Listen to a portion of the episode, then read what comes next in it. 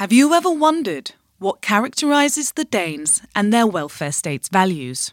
How the people, who were once some of Europe's most feared warriors, the notorious Vikings, are now one of the happiest, most trusting, most equal, and most democratic people in the world. You're listening to Let's Talk About Denmark, a podcast brought to you by the Ministry of Foreign Affairs of Denmark. And in each episode, we explore these very questions so that you can get to know us Danes a little better. My name is Emma Elisabeth Holtet, and I will be your host. This episode is all about democracy as we meet Professor of Political Science and Democracy expert Svend Erik Skaaning. Now, let's talk about Denmark.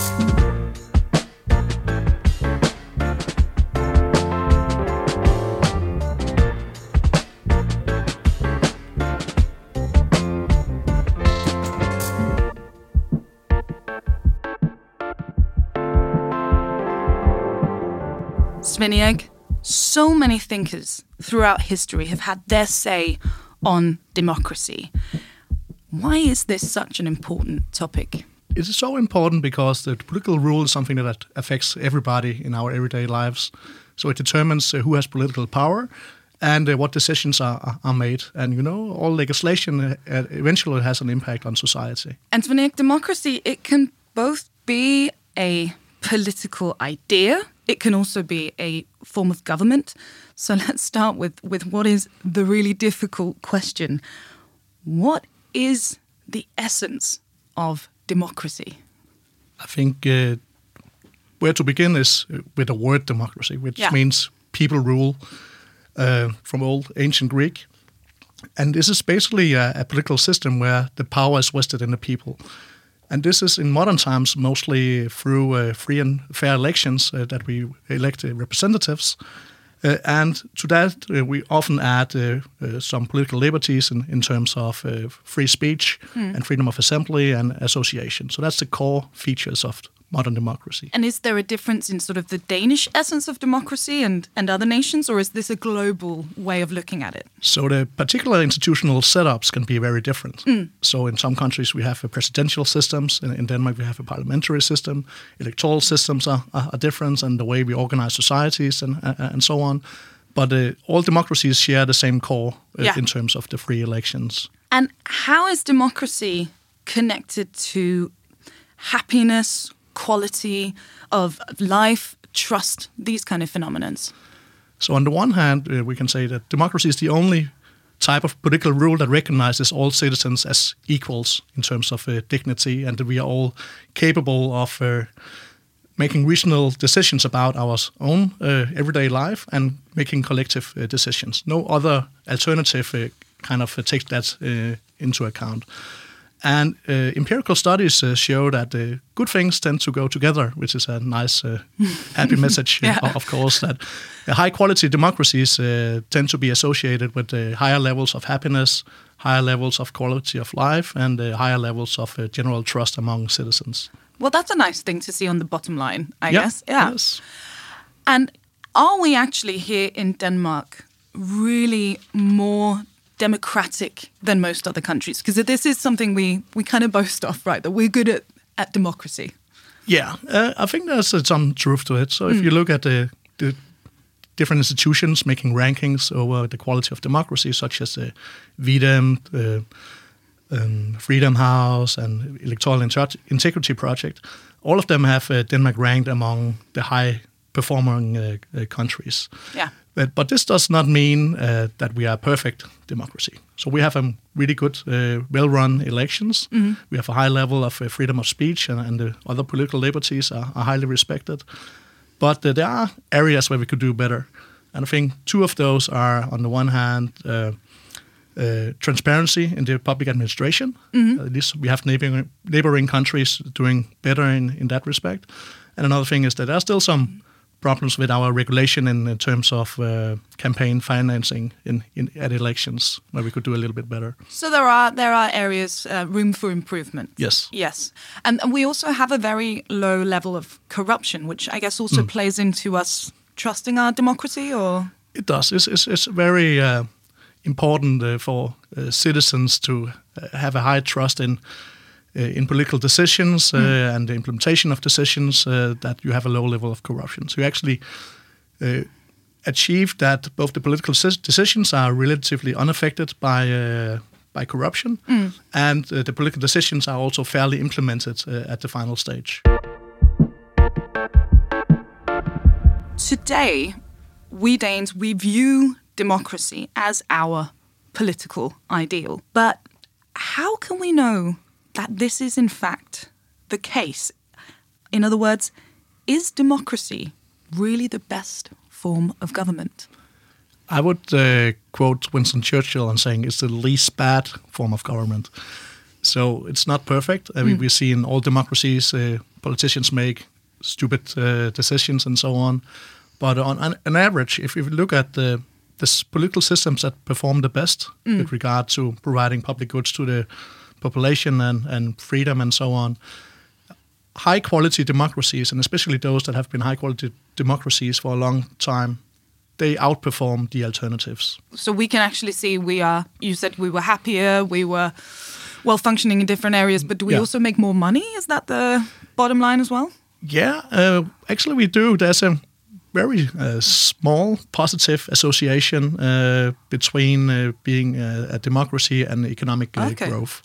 Uh, also, with regard to distribution of resources in, in society, it is less so than you would maybe expect from some perspectives. Yeah. Uh, but there are also arguments in favor for why some kind of dictatorships should be good at providing economic growth because they can concentrate their, all their forces at uh, one particular thing that should be efficient and, uh, and so on. Uh, but on, on, average, they're at least not doing worse than the democracies. Right. Uh, and if they are high quality and for long term, they tend to do a little bit better. And, and this is obviously today what all Danes we sort of think of as it's very hard to imagine a, a party coming to power that's mm. undemocratic. You know, this is the this is a given that democracy yeah. is something we strive for. But how long has this actually been the case? How old is the Danish democracy? In 1849, we got the first liberal constitution, uh, which introduced some liberal rights uh, and a parliament and a relatively broad suffrage. Uh, but it was only in 1901 that, that the government became responsible to the parliament. Before that, the king would appoint the, the government. And uh, only uh, in 1915 we got universal suffrage, mm. where also the poor people and, and the women got, got suffrage. Is the Danish democracy old if we compare to others around the globe? It is old. It's not the oldest. That would probably be the, be the U.S. Mm. Uh, among the modern democracies. Mm. Uh, but uh, yeah, it would be among the, the 10 oldest democracies. Uh, and one of the democracies that, uh, very few democracies that had survived for a very long time uh, without interruptions. You know, the only interruption when it had first became full democratic uh, in terms of institutions was the occupation of the by, by Germany during the Second World War it's time to try to get to the, the core of all this and try to understand why the Danish democracy functions as well as it does and, and, and also more about how it's actually come to be. So, Svend when was the actual Danish democracy born? Can we put a date to it? We've touched upon it already. I think we should go even a step further back and look at some uh, kind of background conditions that facilitated the emergence of, of Danish democracy. Right. Because if there's something special about the Danish democracy, it is the, the peaceful emergence of it. Uh, in, in, world history, uh, in most other places, you have seen a lot of fierce fights, uh, violence, uh, revolutions, and so on. Yeah, we think uh, about the French Revolution. Yeah, exactly, yeah. and things like that. Yeah. Uh, but already from the beginning, the Danish kind of reforms have been in, implemented in a rather peaceful manner, and the root of this uh, seems to be I have a really uh, bright colleague uh, at my department called uh, David Andersen, uh, who's just made a fascinating study recently where he shows that some state reforms back in the 17th century. Uh, due to we lost some wars against Sweden and so on, so they wanted to reform the state because it was kind of bankrupt and uh, corrupt and uh, and so on. So they implemented some reforms where the state administration became meritocratic and Im- impartial. Yeah. And that led, after the next hundred years, to some agrarian reforms that really facilitated uh, the emergence of a, a, very strong civil society in Denmark. First the peasant movements, and then the industrial worker movements, mm. and so on. And they uh, really uh, spurred a vibrant uh, civil society, and they had this layer of the political organized political parties, uh, and because you had this uh, well-functioning state uh, that was tolerant to these organizations, there was a good interaction between them, uh, and that made a kind of peace, peaceful emergence of political competition, where you gradually learn to respect your opponents. Okay. Instead of seeing them as uh, as enemies, you see them as a, yeah as they, what they are, political opponents that are have a legitimate uh, reason to be in, in the political game uh, as well. Okay, so we're we're good at diplomacy. Is that the word, or um, negotiating? Uh, well, I think uh, so. uh, compromise? Acceptance of differences. Uh, yeah. acceptance of differences. Yeah. yeah. Uh, and that has also led to uh, we have a, uh, today a very low level of polarization. For example, compared to, to the U.S., where you have you know, the two parties that are really fighting each other uh, almost violently, uh, violently sometimes. Where in Denmark you have a very strong consensus culture. So Yeah. even what you would call the political extremes in Denmark are often included in uh, political negotiations and, and compromises, uh, and they all buy into you know the, the rules of the game. Yeah. So so they are, yeah, we do this in a democratic fashion. So which means we don't uh, prosecute our political enemies and, and, and things like that. They should also have a, a saying in yeah in the play. Yeah, but I mean, I don't know if this is um, particularly Danish, but it's it's uh, it strikes me sometimes when I have I have a very big family. We're about thirty people or something when we're together, and there are people on the you would say the furthest right of the spectrum and the furthest left of the political spectrum. But is this a particularly Danish thing that you can have political discussions and, and things like that without becoming enemies? It seems we're Yeah. quite good at that broad political spectrum. I think it's, uh, well, it's, it's not totally exceptional, but it's Yeah. rather spectacular uh, that we have this kind of compromise culture, and it often it we, we stop it before it gets too heated, right? Yes. Because we have this uh, this uh, hygge, the coziness, don't Yeah. disturb the, the, the hygge. And, Yeah, yeah. and, and it, mentally, yeah, we agree to disagree at, at some point, right? In, instead of uh, starting a fight. uh, Yeah, and if it becomes too heated, we'll have a, a beer or some Yeah, pastries or something. We'll Yeah. eat or we'll drink. And still, we are more or less a tribal society, so there are uh, some things we can agree, upon, uh, especially around Christmas time and so on. yeah. And and speaking of that, you know, a fairly homogenous society as Yes, well, right? So we have yeah. a lot of the. It's very much the same sort of tradition things. Things Yeah. that these things, I guess, bind us together as well. Yeah, and that's uh, that's another thing that characterizes the Danish. Uh, yeah, so with this low, low low polarization, you have a high level of, of tolerance uh, Yeah. of people that you disagree with, uh, sexual minorities and, and other groups. I think that maybe the one exception is uh, is immigrants, uh, especially if their culture deviates too much Yeah. from our own. And that's also speaks uh, back to, to this with a homogeneous uh, society and, and so on. And in terms of we we were talking about the sort of birthday for the Danish uh, democracy before. Um, if we're going to paint a picture of, of the Danish model of democracy, um, we've already touched upon the fact that we we of course we are a monarchy, um, but this you say that doesn't mean we're not democratic. No. Um, so how do we paint this picture to someone who who doesn't know anything about our particular form of democracy? So uh, we have, uh, yeah. So legislative power is, is vested in, in the parliament, which is, and then you have a, a government, which is a quite extraordinary, often a minor- minority uh, government. So they don't have a majority uh, in parliament, and it's often also a, a coalition government where you have multiple parties. So even though you have multiple parties, they often don't have the majority. But then Yeah. they have support parties, and for a foreigner, it can be really tough to to understand. and you know, during uh, between elections, uh, majorities are found both on the on, on the left in some uh, cases and on the right in in other cases. Uh, but this is just the way it it works. Uh, Yeah. you you have, of course, you have your main friends, uh, and then somebody you see as a political uh, opponents. Uh, but actually, if you look at the numbers, uh, I think it's up to 80%, 85% even, of legislation is, is done by a great majority, or super majority as we call it. So many more parties that are needed to, to actually have a, a simple majority to get the legislation through. Svend Erik, if we look at things like freedom of speech, for example, in terms of the Danish model, because this is also something I think mm-hmm. we Danes very often highlight as something which is integral to our understanding of our society and our, Yeah. ourselves. Is, is this also something which is particular in the way that we Danes do it, or uh, not as particular as these other uh, things that I, I, just highlighted. Yeah. Uh, but we, we do enjoy a, a very high level of, uh, of free speech in, in, in Danish uh, society, uh, and a very broad and I think high quality media uh, landscape. Uh, also, uh, where you have uh, the public broadcast that is not dominated by by the government uh, on the one hand, and, and, on the other hand, is really also balanced in the way they, for example, present uh, political campaigns and, and, and things like that.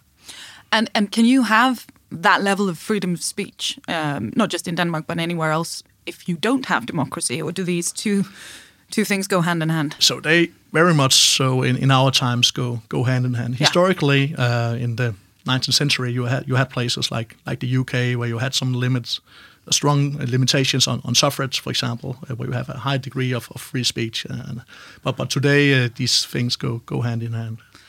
And and if we look at um, the, the the coming generations as well today here in in Denmark, uh, because I guess they will form the future of the Danish democracy. Um, are they as positive and as kind of engaged in our democracy as, as previous generations? Yeah, so the thing is that uh, we've seen that the membership of political parties in Denmark has gone down uh, as it has in, in the rest of the Western yeah, world. yeah. Uh, But uh, you also see, looking at the numbers for civil society engagement, the numbers are are, are very high. Maybe declining uh, a little bit, uh, but there are also s- uh, surveys showing that the Danish youth is uh, among uh, the youth in, the world that know most about uh, social.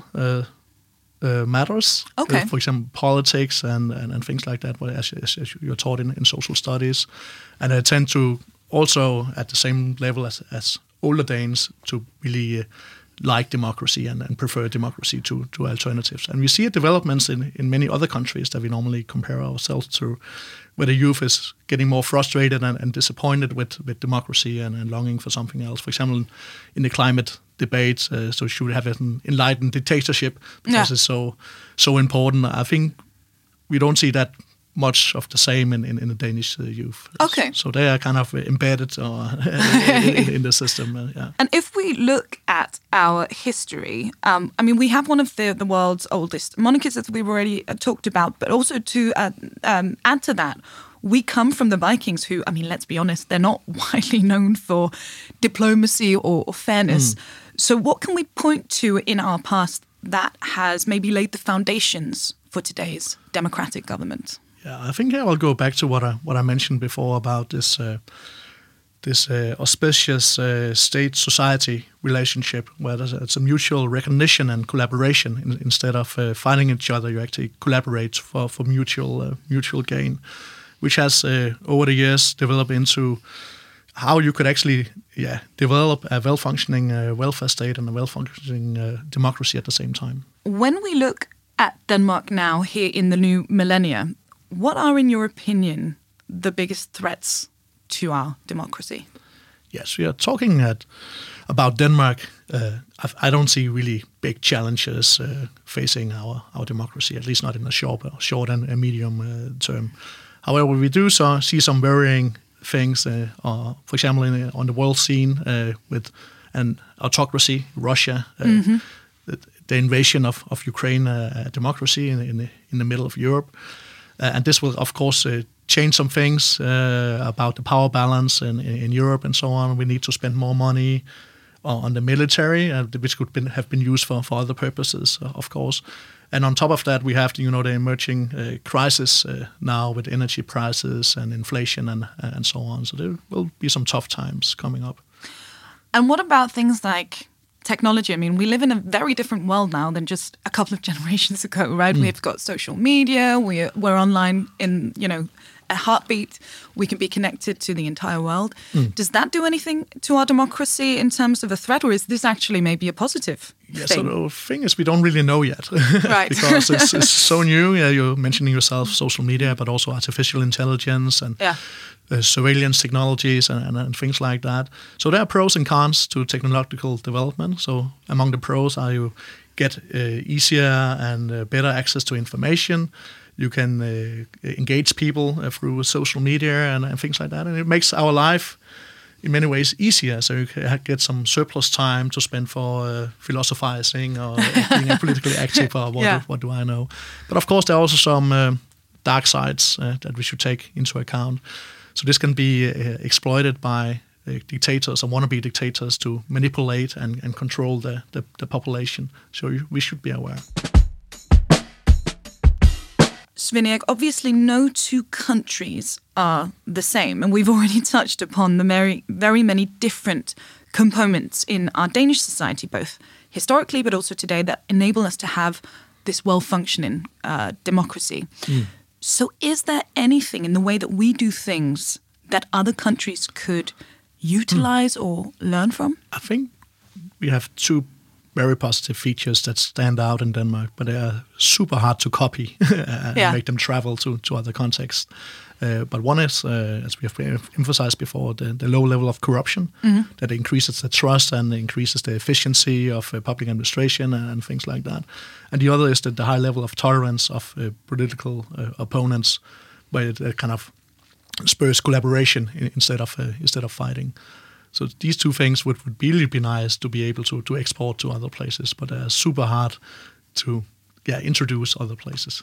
Because everybody wants it right? It's, it's yeah. not that, that not, other people haven't tried. It's just uh, we have been very fortunate with our historical background and maybe also some yeah, just been lucky to, yeah. to be in this situation today. Is it also our size? Is it because we are so teeny tiny, you know, in terms of population? It, it does it make it easier mm. to be homogenous and agree with each other, or mm. or is that hmm. simplifying it? It's. I think there are. I've seen arguments in pointing in, in, in that direction, yeah. uh, but looking at the empirics, the relationship is not very strong between the size of the country and, and the level of democracy and, and, and things like that. Okay. You know, but as as we mentioned before, with this being very homogenous uh, population comes some some good things that we uh, yeah. tend to agree and so on. Yeah. We also tend to be somewhat exclusive uh, towards uh, others. Yeah. So it is not just a matter of size. No. That is that's good to know. And say uh, you are a first time visitor here in Denmark. You know, perhaps you're here on holiday, maybe you're mm-hmm. here on a business trip. When it comes to Denmark's democracy, what is, in your opinion, the most important thing to understand if you want to understand our system? So I would say that the consensual political culture, yeah. which both dominates, you know, ordinary citizens and uh, politicians in, in parliament. So uh, as I, as I mentioned before, we can all sit in the same room, mm-hmm. quietly discuss politics or other matters, uh, knowing that these are our political opponents, but we will still remain seated and not get in got overly heated or get into fights. Uh, and the most uh, important big decisions are, are made uh, over the, the big middle in, in, in Denmark. yeah.